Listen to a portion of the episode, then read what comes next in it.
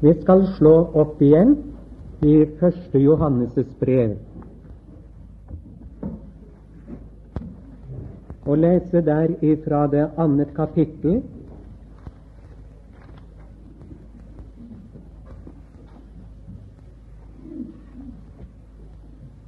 Den samme teksten som vi hadde i formiddag.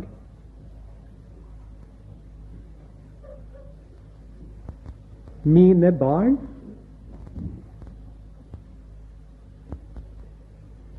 dette skriver jeg til dere for at dere ikke skal synde.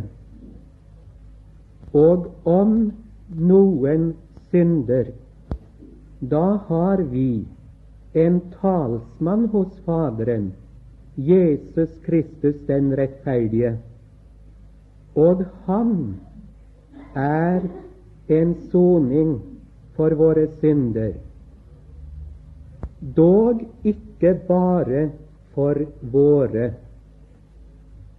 for oss som er troende, men òg for hele verdens. Amen. Herre, vi takker deg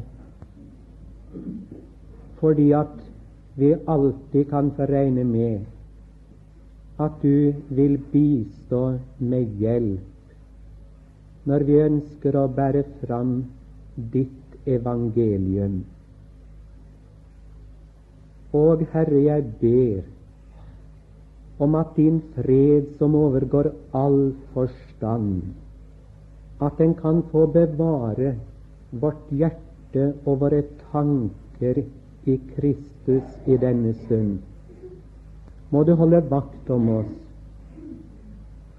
Og vi ber deg, Herre, inderlig om at du må ta ledelsen av denne bibeltimen fra først til sist, slik at jeg ikke skulle stå i egen kraft, i kjødelig kraft eller iver, og bære fram ditt ord men at det kunne bli i Din hellige ånds kraft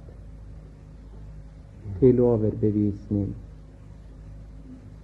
Herre, gi meg derfor det rette sinnelag, ikke bare til å begynne med, men hele denne stund. Ta vare på meg, Herre, for ditt navns skyld. Amen.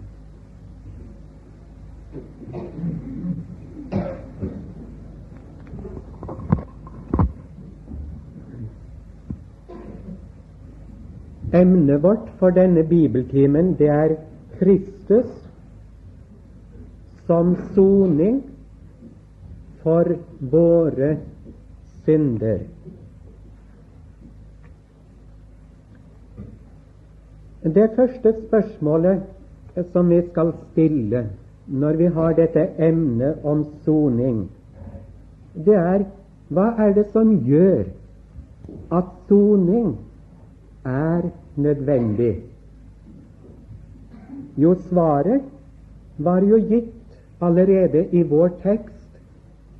Det var våre synder som gjorde at det er nødvendig med soning.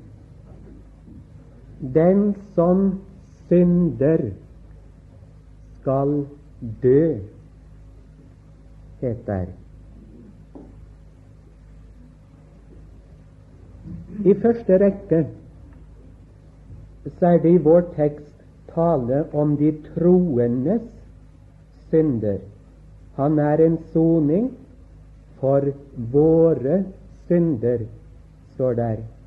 Og ifølge sammenhengen så er det klart å se for alle og enhver at det her er tale om, om de troendes eh, synder. Det er noe vi er nødt til å regne med.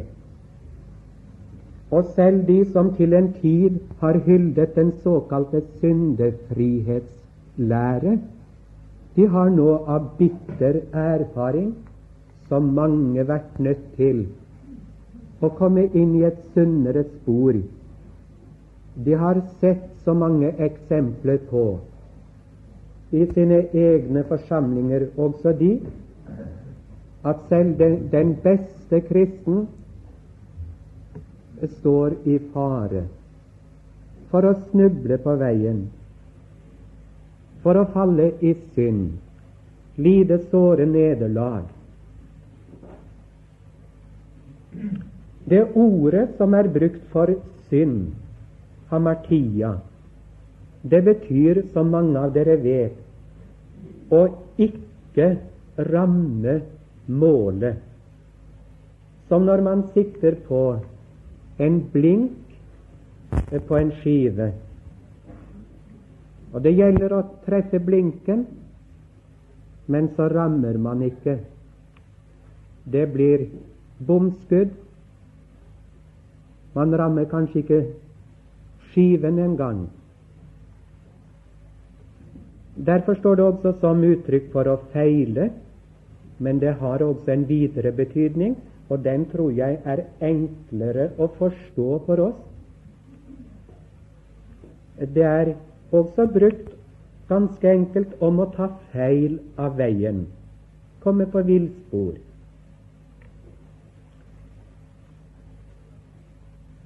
Når det gjelder det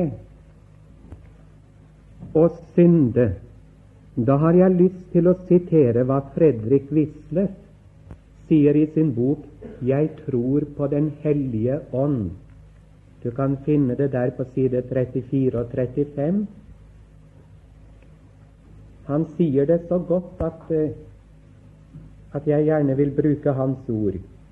Vi må vokte oss for å gjøre selve synden til et adiaforon, altså til, til en likegyldig ting. Det er ikke meg, men Gud som i sitt ord avgjør hva som er synd. Merk deg det. Det som er synd for meg, er også synd for deg. Det er ikke noe du kan avgjøre etter eget forgodtbefinnende om det er synd for deg. Det er Gud som gjennom sitt ord avgjør hva som er synd. Det som Bibelen stempler som synd, er synd til alle tider. For alle folk, for alle stender, for alle aldre, under alle himmelstrøk. Det som er synd for Peter, er synd for meg. Det som er synd i København, er synd i Paris, New York og Tokyo. Det som er synd på Vestlandet, er synd på Østlandet. Det som er synd for en nyomvendt konfirmant, er synd for en gammel prest. Synd er absolutt. Og så sier han prøven på verdien av et kirkesamfunn, en vekkelse eller den daglige forkynnelse, kan stilles nettopp når det gjelder deres syn på synden. Jeg kan fullt ut underskrive hans ord. Det er én ting vi trenger alle som er Guds barn, kanskje også i denne stund det er at den himmelske tilsynsmannen som vi har hørt tale om, at han får komme oss i møte. At han som vandret imellom gullysestakene og kontrollerte lyset, klippet kanskje veken så lyset skulle brenne klart,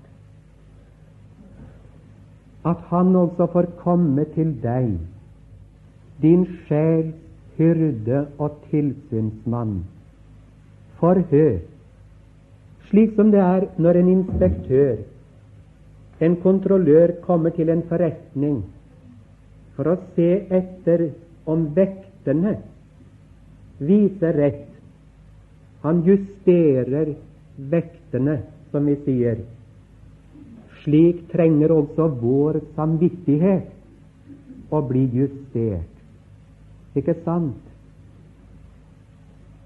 Slik at den gir utslag, din samvittighet, for den aller minste synd. og at du kjenner denne hellige bedrøvelse i ditt sinn når du har gjort Gud imot. Og jeg vil si så sterkt jeg kan, må aldri dette komme bort ifra ditt liv, at du kjenner deg bedrøvet, syk og sår når du har begått en synd. Er en skytter lei seg når han har ligget der og siktet på blinken, skal prøve å treffe målet? Lei seg når det blir bomskudd, så er det ingenting imot det vi føler når vi ikke har maktet å leve opp til det som er Guds vilje og norm for vårt liv. Det er også noe som heter unnlatelsessynder, og vi skal huske dem òg. Det er ikke bare gjerningssynder, men det er også noe vi kan kalle for unnlatelsessynder. Dersom vi vet å gjøre godt og ikke gjør det, da har vi synd av det, sier Guds ord. Det er vår synd som gjør at soning er nødvendig. Der må et offer til. Vi skal nå se litt på det ordet som er brukt for soning. Substantivet soning som vi har her, hilasmos, det kommer av et verb som betyr å forsone. Vi har det også i Lukasevangeliets 18. kapittel og 13. vers. Det er ganske underlig å finne det der. Rent uventet i grunnen. Lukas evangeliets 18. kapittel og 13. vers.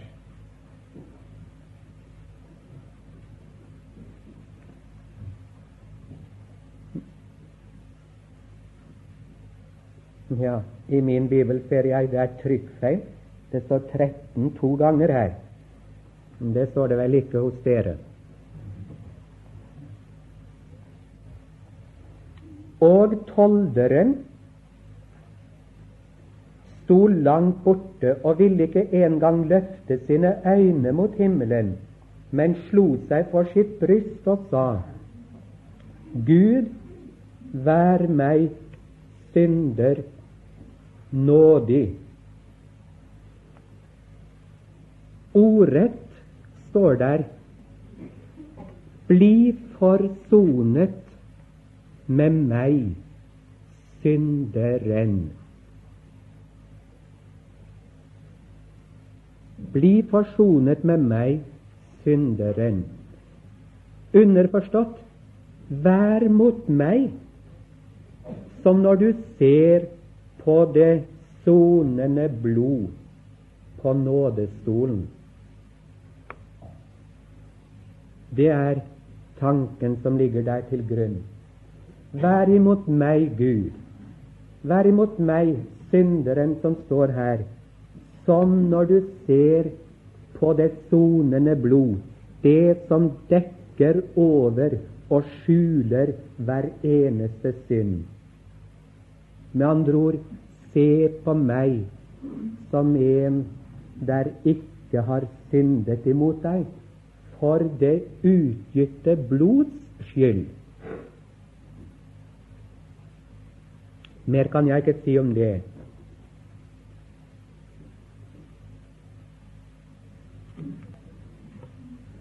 Ellers er det om å sone i Hebreabrevet 2,17. Hebreabrevet 2,17. Derfor måtte han, Kristus, i alle ting bli sine brødre lik, for at han kunne bli en miskunnelig og trofast ypperste prest for Gud, til å gjøre soning for folkets synder.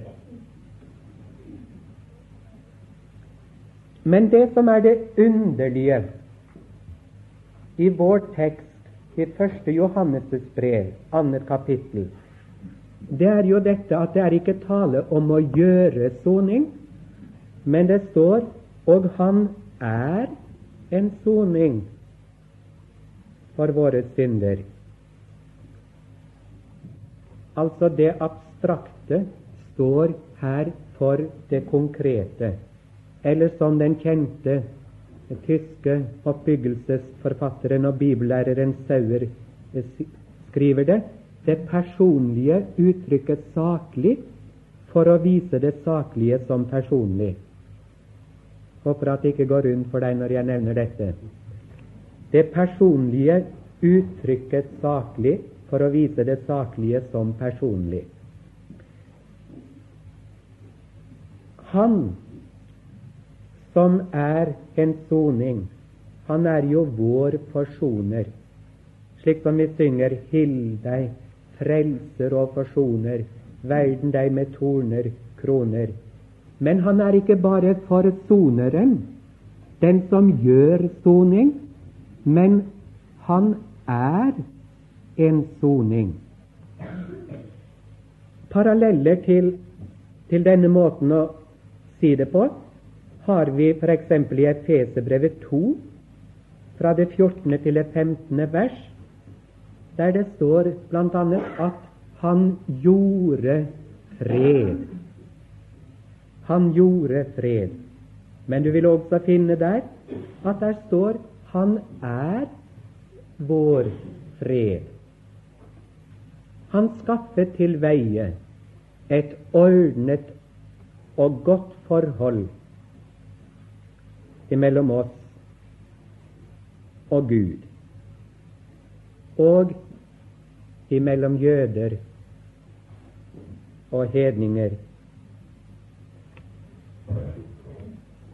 Og i 1. Korintier 1.30 1. Korintier 1.30 Kanskje svenskene har vanskelig å forstå det når jeg sier det slik. 1. Korintier første kapittel og 30. vers. Der vil du se at Han som er vår forløser, Han som forløste oss, han er også vår forløsning.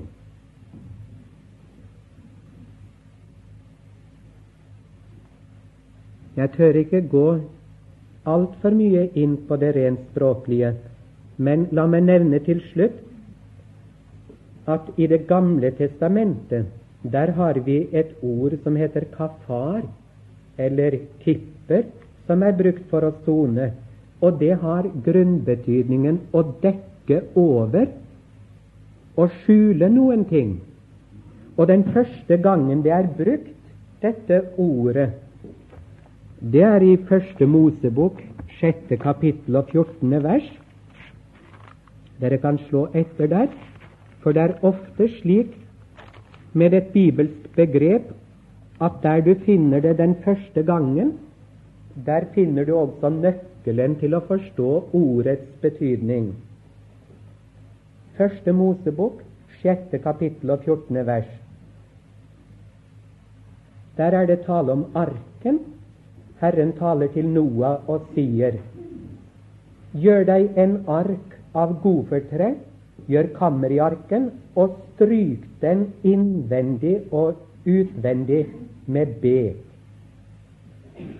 Stryk den, står det her. Altså dekk den over, burde det like så gjerne ha stått, med bek, både innvendig og utvendig.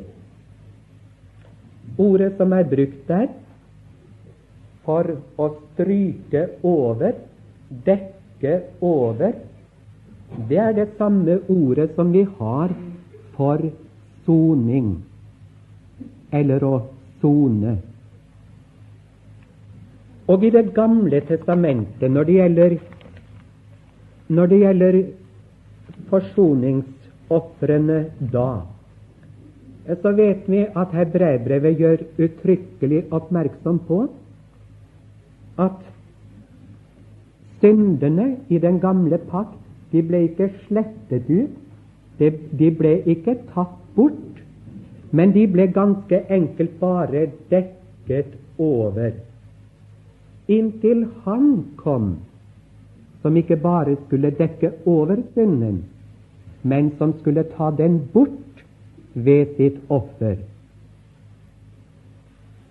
Det kan vi ikke ta tid til å lese, men det er stor forskjell på, soning i Det gamle testamentet og soning i Det nye testamentet. Jeg hørte fortalt, visstnok etter en bibeltime av Bjerkreim, at han hadde brukt et bilde en gang om reinen på Finnmarksvidda. Når Finnmarksvidda er dekket over med snø, hvit snø, så ser man jo ikke annet enn bare snø og atter snø.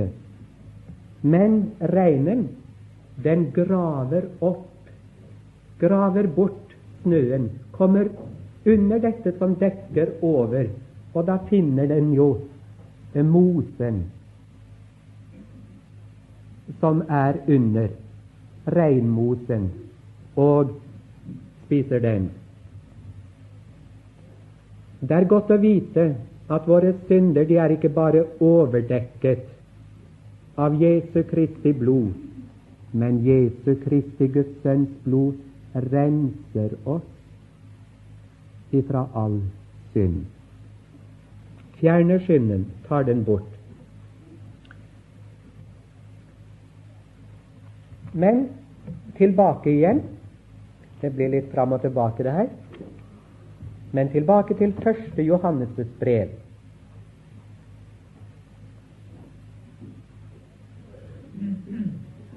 Der står det jo så underlig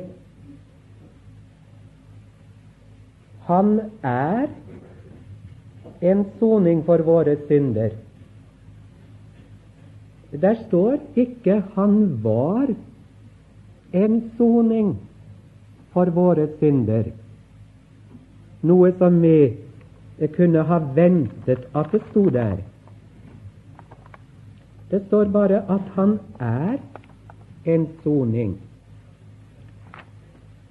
Hva skal vi si til det, til denne presensformen der?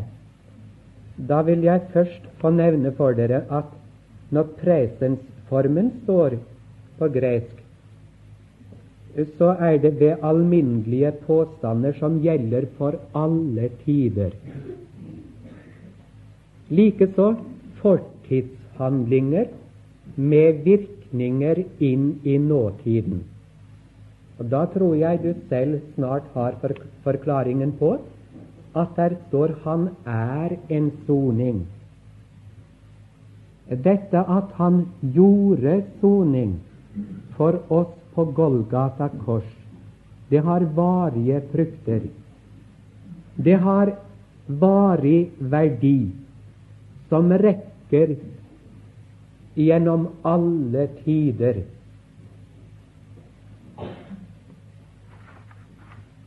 Men jeg har lyst til samme forbindelsen at dere skal slå opp i annen Mosebok, tredje kapittel og 14. vers og lese Herrens navn.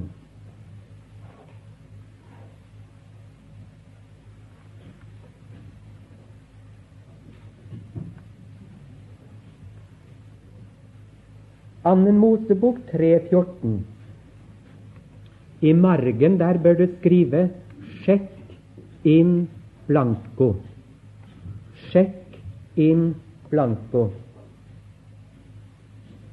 Og Gud sa til Moses, Jeg er den jeg er. Og han sa, Så skal du si til Israels barn, Jeg er, har sendt meg til dere. Med andre ord, Herren kaller seg bare 'Jeg er'. Og så kan du tenke deg en sjekk hvor der for, eh, for tallrubrikken eller, eller beløpsrubrikken bare står 'Jeg er'. Og så kan du, troende venn, få lov til å fylle denne sjekken ut med det som er ditt behov. Og i forbindelse med vårt emne så blir det dette du trenger en forsoner, ikke sant? En som er en soning for dine synder. Og da kan du fylle sjekken ut ifølge 1. Johannes' brev, annet kapittel og, og annet vers. Så kan du fylle den ut slik Jeg er, altså Herren er, en soning for våre synder og istedenfor våre kan du da skrive navnet ditt. Med all frimodighet har du lov til det. Så jeg for min del kan fylle sjekken ut slik Han er en soning for Edvard Helles synder. Så har du med andre ord i den utfylte sjekken så har du dekning for for hele din skyld til enhver tid.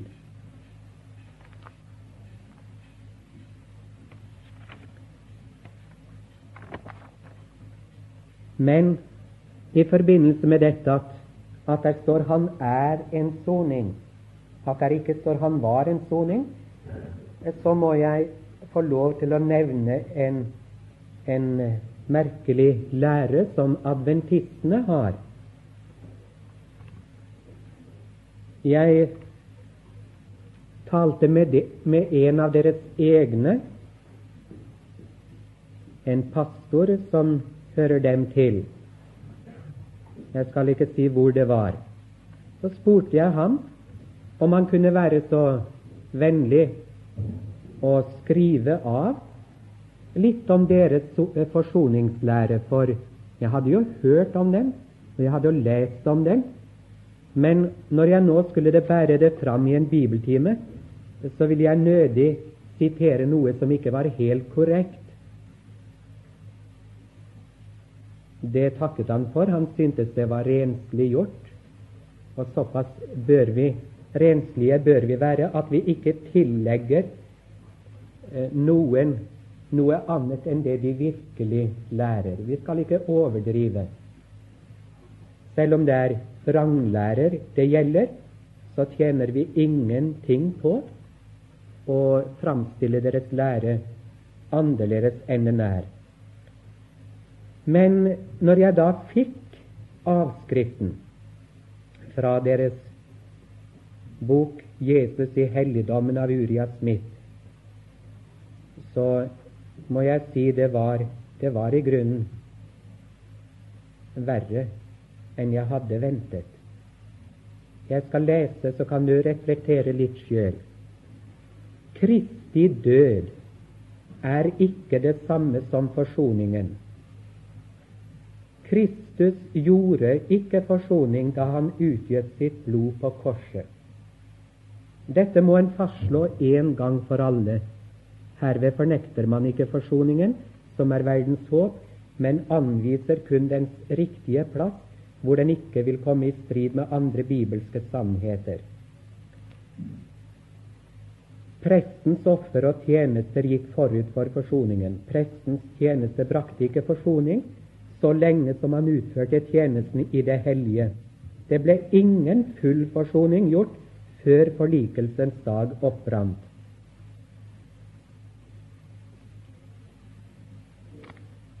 Den motbilledelige forsoning som medfører syndens endelige fjernelse, skjedde ikke da offeret for denne husholdning ble framført.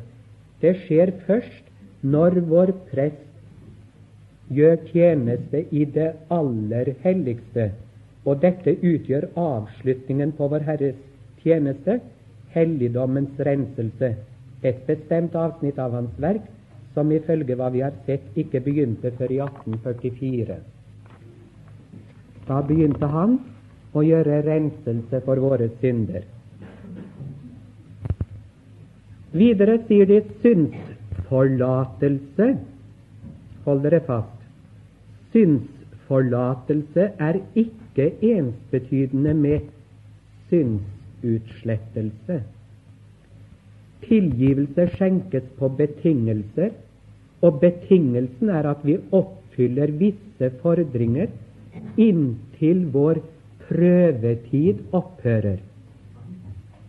Dersom vi kommer til kort i denne henseende, så vil vi til sist stå utenfor forlatelse. Ja, hvordan ville det ha gått med meg da?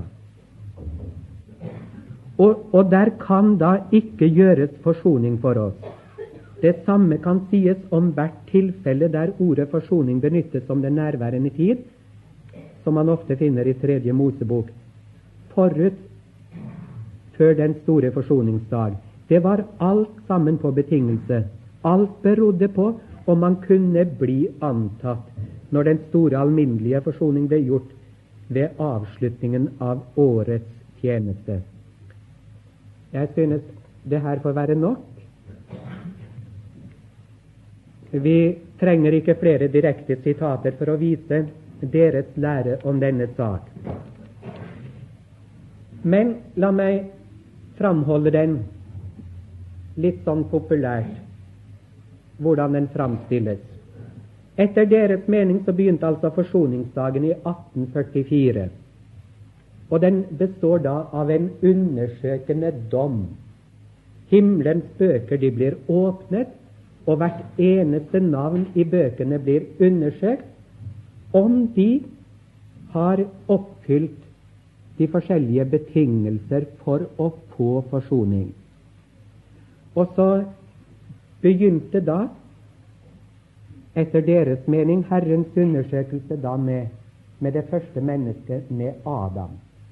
Hans navn ble undersøkt da, i 1844. Og så har, de, har denne undersøkelsen pågått hele tiden. Og hvor langt denne undersøkelsen er kommet, vet vi ikke, sier de. Det kan være at man er kommet til Luther. Og hvis det er sant, det som jeg har her om Luther, så blir det ikke greit for han heller. jeg, har, jeg har nemlig en artikkel eh, som, som jeg fikk eh, fra Luthers liv.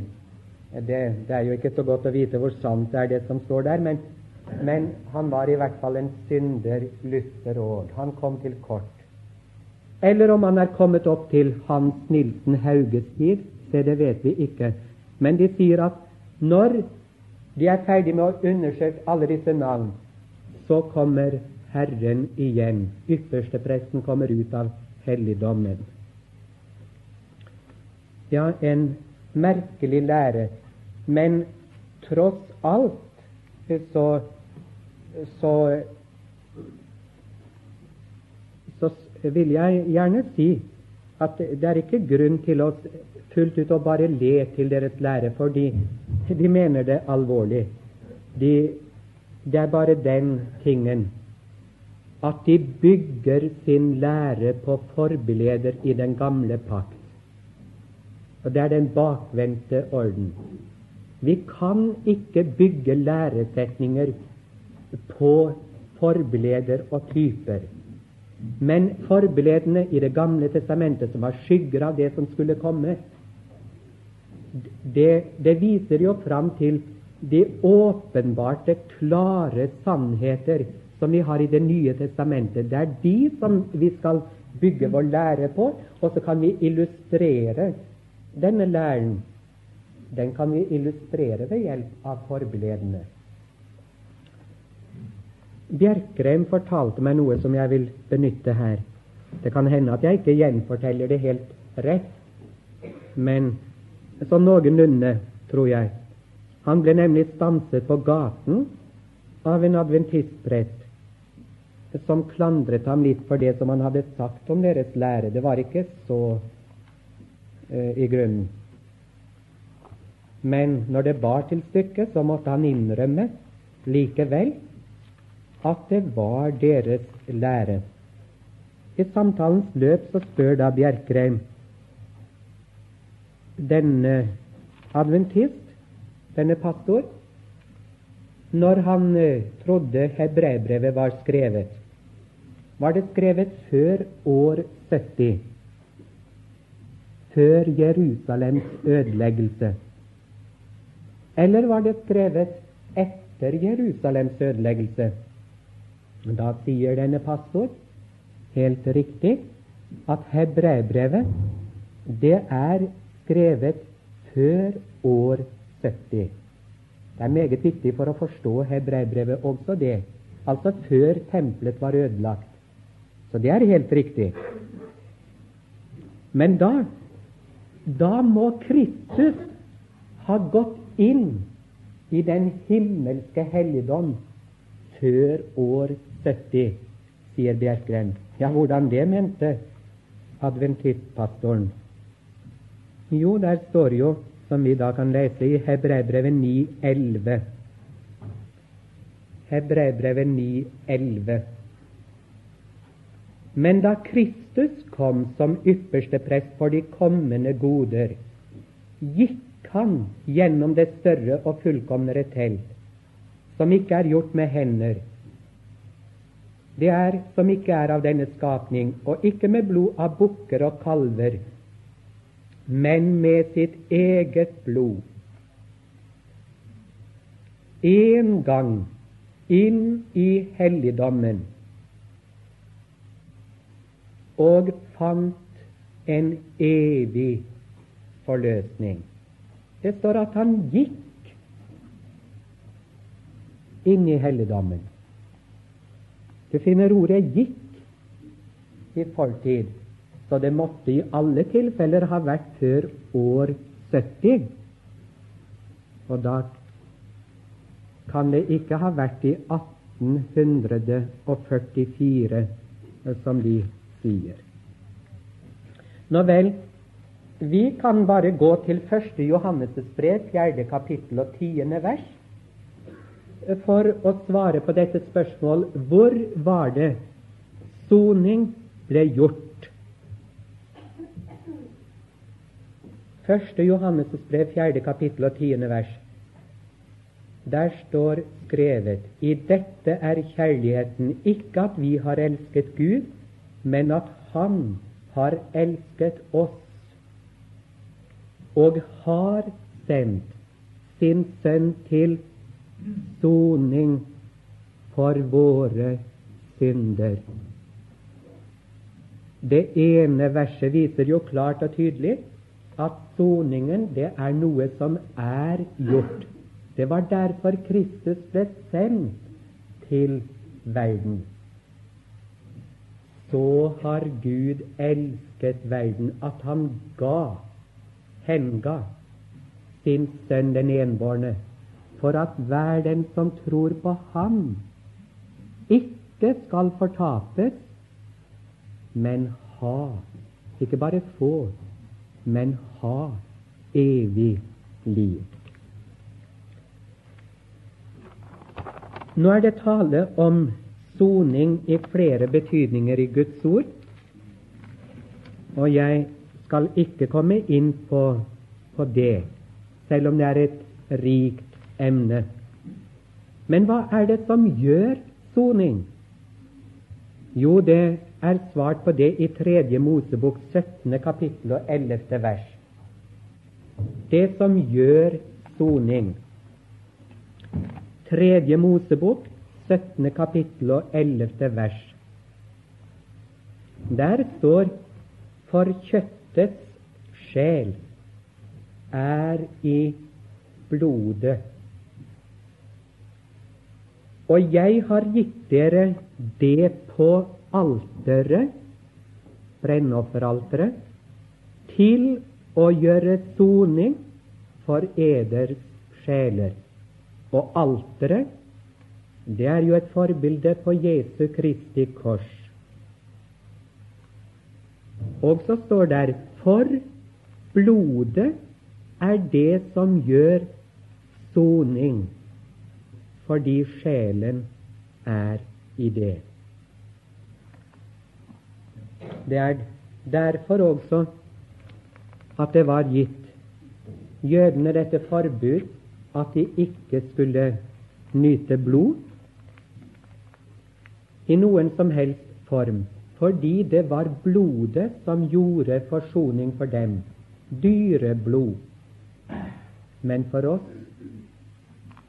er det ikke blod av okser og kalver som har gjort soning, men Jesu Kristi dyrebare blod. Men når det gjelder den store forsoningsdag, så har jeg lyst til å fortelle dere noe pussig som jeg leste for en tid siden. Noe som jødene lærer. Den jødiske tradisjon mente jo at det var en skjult tanke i alt, i hver bokstav og hver tøddel, fordi Den hellige skrift var inspirert. Og det er jo riktig. Men, men i sin iver når det gjelder Bibelens inspirasjon, så gikk de nok for langt.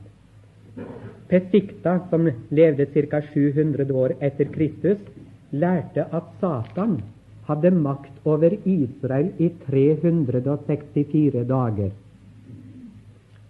Altså ikke på forsoningsdagen, en av årets dager. Og beviset for dette mente han lå i at tallverdien for Satan på hebraisk ha, den bestemte artikkel, og Shatan, det er 364. Ja, en, en eiendommelig måte å bevise dette på. Men det som jeg syntes tross alt, tross i det forkjærte i framgangsmåten, tross alt så synes jeg det var så fint å se hvordan de vurderte den store forsoningsdagen og soningen. Da fikk Satan ikke makt over Israel. Men nå skal vi til slutt lese litt om det som jeg mener er det viktigste for oss når det gjelder at Herren er soning for våre synder. Det er det som vi kunne kalle for soningens følger eller frukter.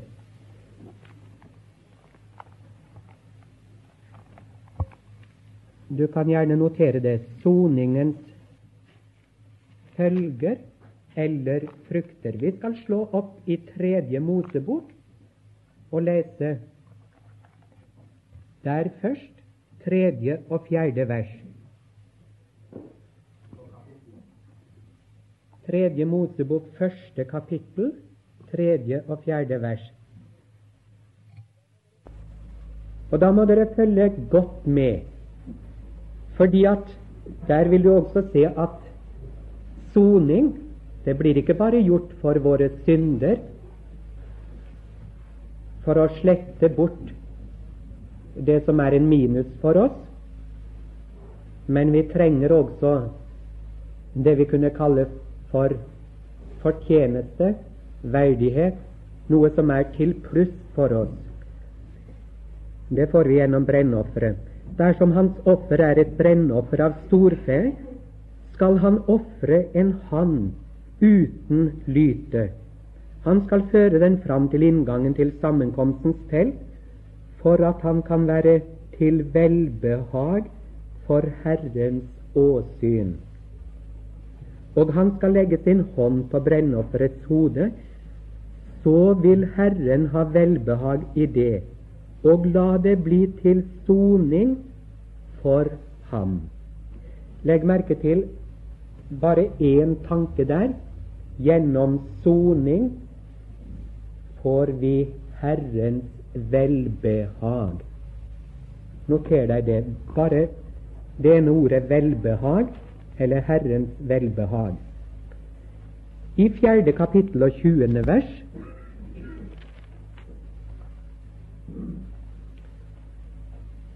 samme bok han skal gjøre med denne okse like som han gjorde med den første syndofferokse. Og presten skal gjøre soning for dem, så de får forlatelse.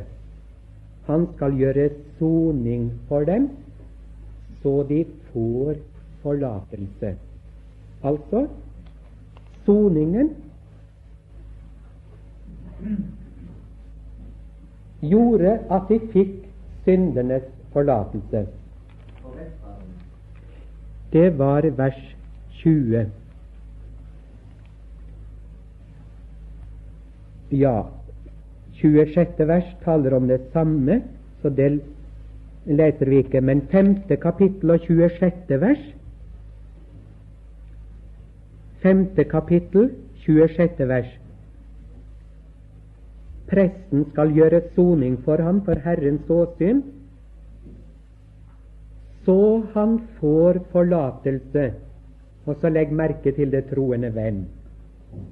Hva han så har gjort og ført skyld over seg med. Det her peker jo hen til Jesus soning. Det er jo klart. Så derfor strek under disse ordene. Så han får forlatelse hva han så har gjort og ført skyld over seg med. Det kan nemlig sitte noen også her som har gjort en eller annen ting i sitt liv som det er så helt umulig å tro syndernes forlatelse for.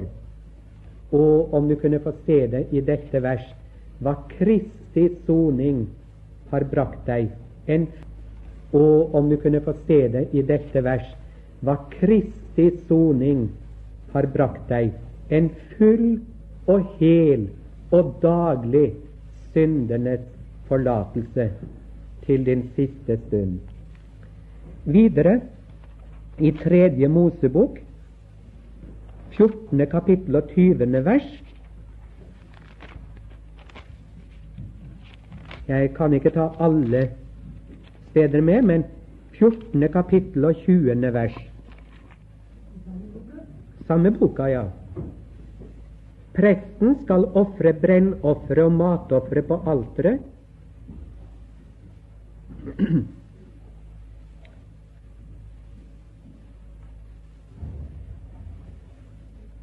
Ja, vi får vel lese det 19. òg. Det står mye om soning der. Så skal presten ofre syndoffer og gjøre soning for den som lar seg rense for sin urenhet. Og deretter skal han slakte brennofferet, og presten skal ofre brennofferet og matofferet på alteret, og således gjøre soning for ham. Så er han ren. Når det gjelder en nærmere forståelse av matofre og brennofre og syndofre, så man ikke tuller sammen disse ting, det vil man få hvis man leser Bjerkreins bok 'Ofringene i tredje Mosebok', eller andre bøker som handler om samme emne. Men det som vi skulle ha med der, det var bare dette han skal gjøre soning for ham, så er han ren. Ja, nå spørs det om du virkelig har fått tak i dette. Han skal gjøre soning for ham, så er han ren, altså i Guds øyne. Der vel eh, i grosserer Jørgensens bok om Ja, jeg husker ikke hva den het nå, om gjenfødelsen. Bade til gjenfødelse, ja, der forteller han så gripende om en mann han fikk hjelpe, en som var i den største syndenød. Og han leste Guds ord for ham, noe lignende som det her, og så plutselig så utbryter mannen.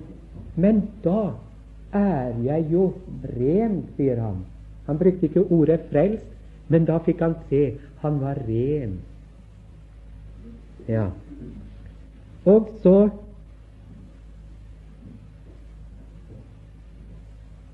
Ja, en ting til kunne vi ha tatt. Annen Samuels bok, 21. kapittel og 3. vers. Det er det siste. Annen Samuels bok, 21. kapittel, tredje vers.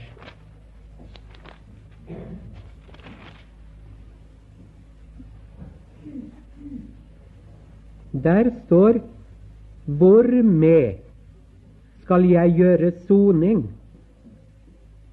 så dere velsigner Herrens arv. Soningens frukt var velsignelse. Så skal vi da summere det som vi bare har trukket fram nå. Hva vi får som frukter av forsoningen, så blir det dette. Syndernes forlatelse, renselse, befrielse, velsignelse, velbehag. Alt dette er ditt fordi at Kristus er soning for våre synder.